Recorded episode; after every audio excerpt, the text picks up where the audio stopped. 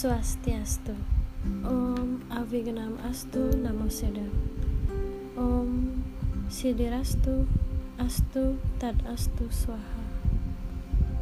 Ya Tuhan yang Maha Esa Yang Brahman. Semoga dengan berkenanmu hamba bisa melakukan tugas dan kewajiban hamba secara lancar tanpa adanya hambatan dan hamba bisa selalu bernaung di dalam sinar sucimu. Halo Sobat Dharma, kembali lagi bersama saya Dharma Seeker. Baik, sesuai dengan prolog yang sebelumnya yang kita bahas, maka kita akan membahas kitab suci Sri Bhagavad Gita yang merupakan kitab suci yang sangat spesial. Kenapa? Karena pada kitab suci Bhagavad Gita sendiri merupakan salah satu dari Pancamo Veda. Sobat Dharma tahu apa itu artinya dari Pancamo Veda sendiri? Pancamo Veda sendiri adalah ilmu pengetahuan rohani yang langsung disabdakan oleh Sang Brahman, oleh Tuhan yang Maha Kuasa, atau oleh beliau Tuhan yang Maha Esa.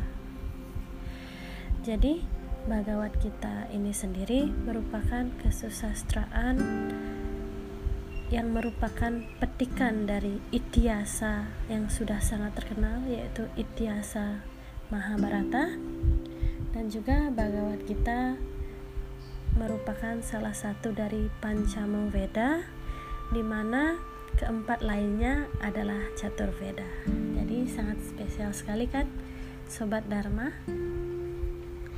Nah, maka dari itu sebelum kita lebih lanjut membahas tentang pengetahuan rohani yang ada pada kitab Sri Bhagavad Gita, ada baiknya karena ilmu pengetahuan rohani ini sangat suci, maka didahului dengan mantra sebelum kita mulai membuka mengupas tentang Sri Bhagavad Gita ini sendiri. Jadi mantranya sebelum kita membahas tentang Bhagavad Gita, Sobat Dharma, yaitu Oh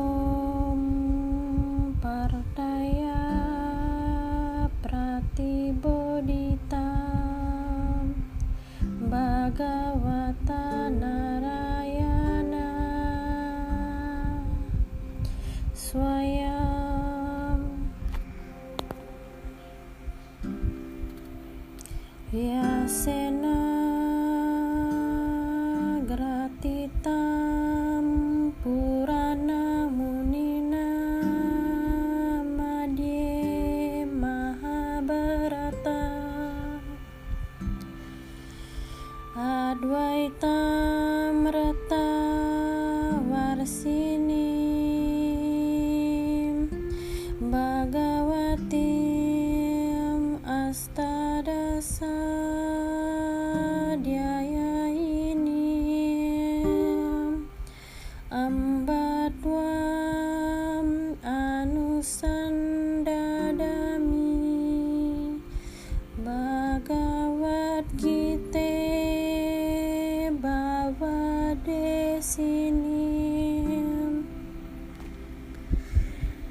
kurang lebih itu adalah mantra awal sobat dharma.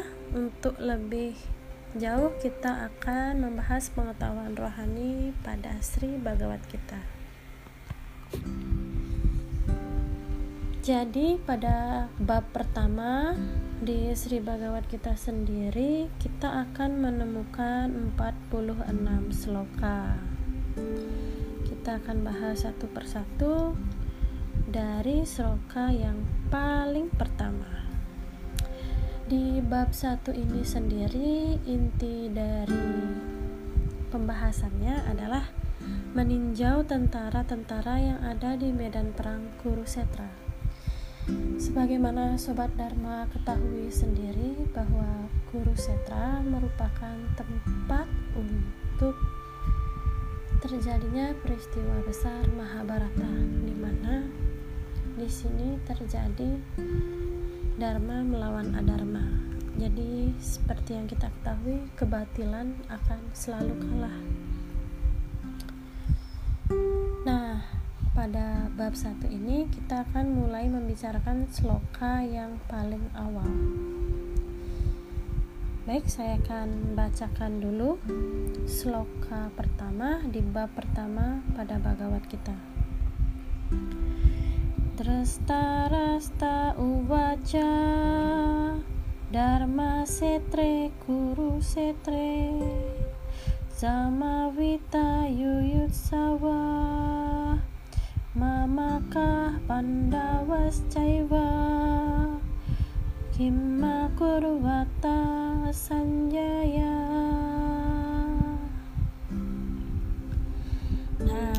Sini kalau kita tinjau satu persatu dari kalimat-kalimat maupun kata-kata yang ada di sloka pertama pada bab pertama Bhagavad Gita di sini tertera Drastarata Uwaca. Jadi Raja Drastarata berkata, Dharma Setre Guru Setre di sini Dharma Setre ini merupakan tempat suci. Bisa diartikan tempat suci dan Guru Setre adalah tempat para guru yang merupakan disebut Guru Setra. Jadi guru ini adalah dinasti ya Sobat Dharma. Jadi dinasti guru ini sendiri digariskan kepada dua keturunan yaitu keturunan dari Raja Pandu yaitu Pandawa dan keturunan dari Raja Drastarata yaitu para Kurawa. Zamavita jadi sudah berkumpul Yuyut Sawa dengan keinginan untuk bertempur. Karena di sini memang tujuannya memang untuk bertempur di Kurusetra ini. Maka akhirnya pihaknya Raja Restarata yaitu putra-putranya. Dan Pandawa ya Pandawa ya Pandawa. Jadi sobat Dharma pasti sudah tahu Pandawa ya berarti anak dari Raja Pandu. Di sini Kima Kurwata apa yang dilakukan Sanjaya? Jadi Raja Restarata ini bertanya kepada Sanjaya wahai Sanjaya Sesudah putra-putraku dan putra Pandu berkumpul di tempat suci Kurusetra dengan keinginan untuk bertempur, apa sih yang dilakukan oleh mereka? Jadi seperti apa sih yang ada di sana seperti itu. Jadi sobat Dharma, sekali lagi tujuan saya di sini adalah untuk menyampaikan ajaran Dharma dan pengetahuan rohani yang sangat spesial ini untuk sobat Dharma sekalian. Bukan untuk saya mengubah ataupun membuat kajian teologi baru tetapi saya hanya perantara saya hanya alat untuk menyebarluaskan ajaran Dharma yang sangat baik ini. Jadi pokok-pokok pikiran dan juga intisari dari apa yang saya sampaikan merupakan buah pikiran dari guru-guru besar, nabi-nabi, dan para cendekiawan Hindu yang sudah di awal yang sudah menuangkan pikirannya yang kemudian saya pelajari, saya analogikan menurut buah pikiran saya yang bisa dikatakan mungkin saya adalah generasi baru. Mungkin sobat-sobat Dharma banyak yang merupakan generasi milenial yang lebih tertarik untuk mendengarkan ajaran Dharma eh, dengan audio. Jadi itulah tujuannya podcast ini ada. Kemudian kita lanjutkan di sini menurut saya setelah membaca literasi kemudian kajian-kajian yang sudah ada terlebih dahulu yang merupakan buah pikiran dari guru-guru kita cendekiawan Hindu yang sudah memberikan kita pengetahuan menurut saya di sini hal yang spesial pada sloka ini yang saya garis bawahi adalah Dharma Setre. Jadi kata-kata Dharma Setre ini di sini merupakan tempat suci. Tempat suci di mana kita tahu bahwa terdahulu tempat suci merupakan tempat di mana diadakan pelaksanaan korban suci ataupun ritual-ritual keagamaan yang merupakan bagian dari ajaran Dharma.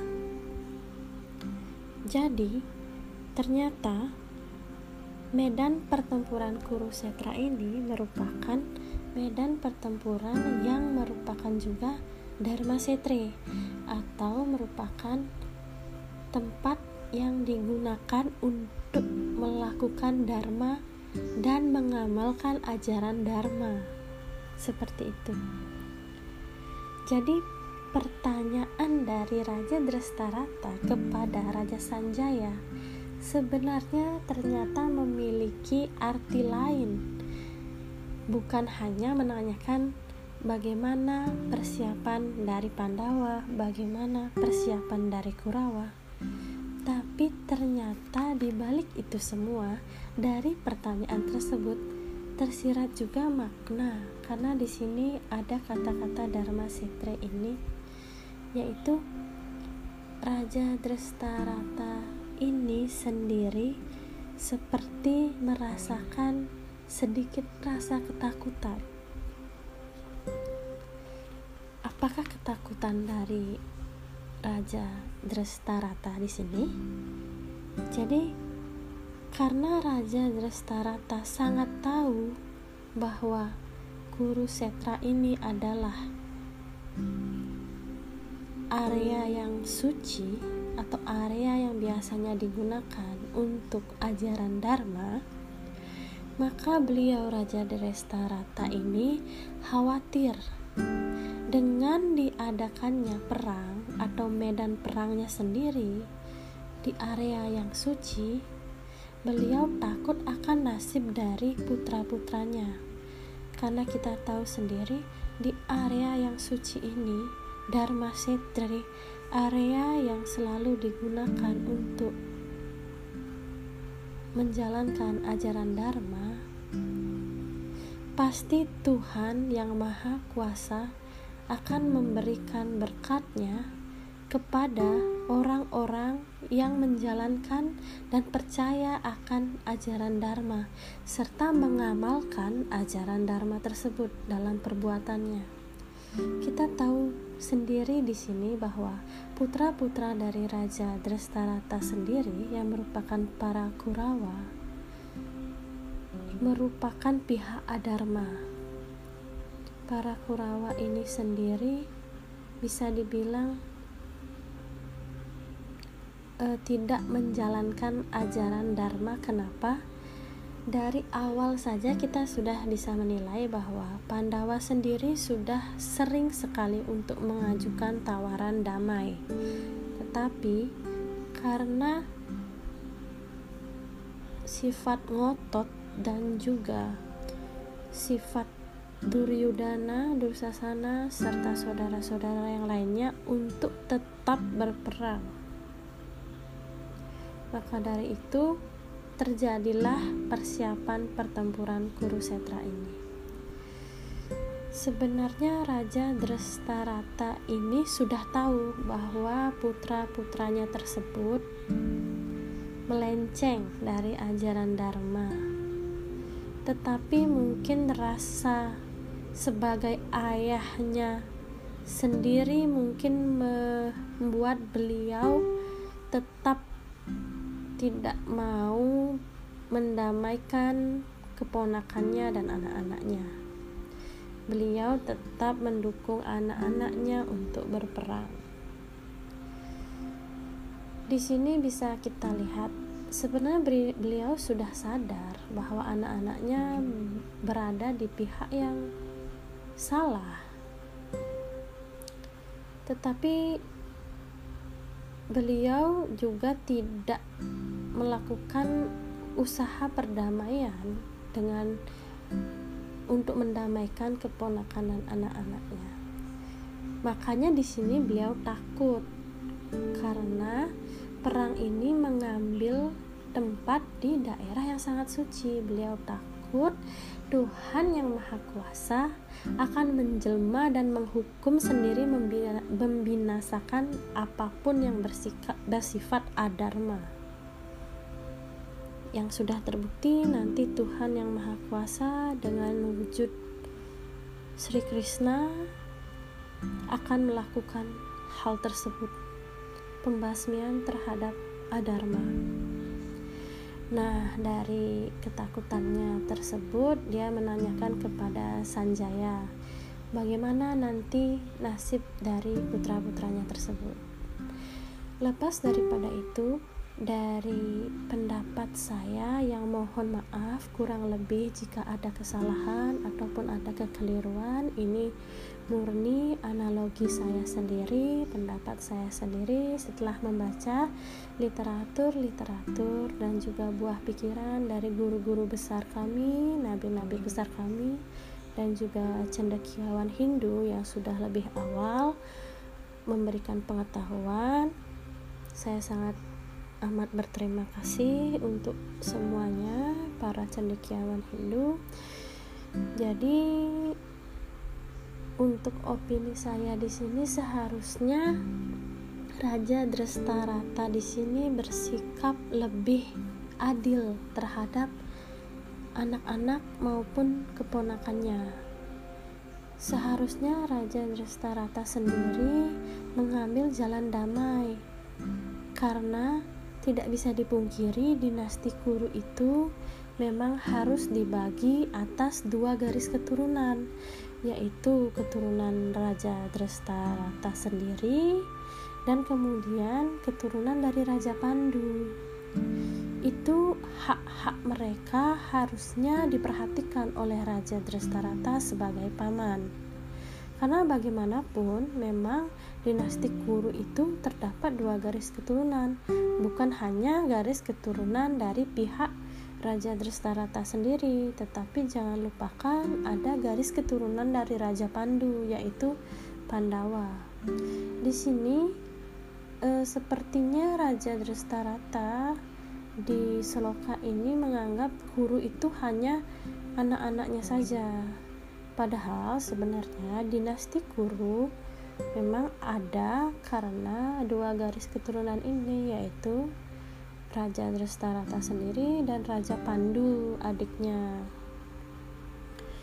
Jadi menurut saya seharusnya langkah yang dilakukan Raja Drestarata adalah mendamaikan kedua belah pihak. Kemudian adil akan hak-hak masing-masing pihak tetapi hal tersebut tidak dilakukan ya seperti kita ketahui. Makanya perang ini terjadi. Baik kita sudah membahas sloka 1 pada bab 1 di Bhagavad kita sampai di sini dulu. Yang bisa saya sampaikan kita bertemu di pembahasan berikutnya. Mungkin sobat dharma ada yang ingin menambahkan ataupun ingin memberikan sumbangsih pikirannya yang berbeda, saya sangat berterima kasih. Jangan lupa like, comment, and subscribe dan juga share supaya ajaran Dharma ini makin dikenal luas di mana pun platform yang Sobat Dharma pilih untuk mendengarkan podcast ini. Saya sekali lagi sangat berterima kasih dan sampai jumpa.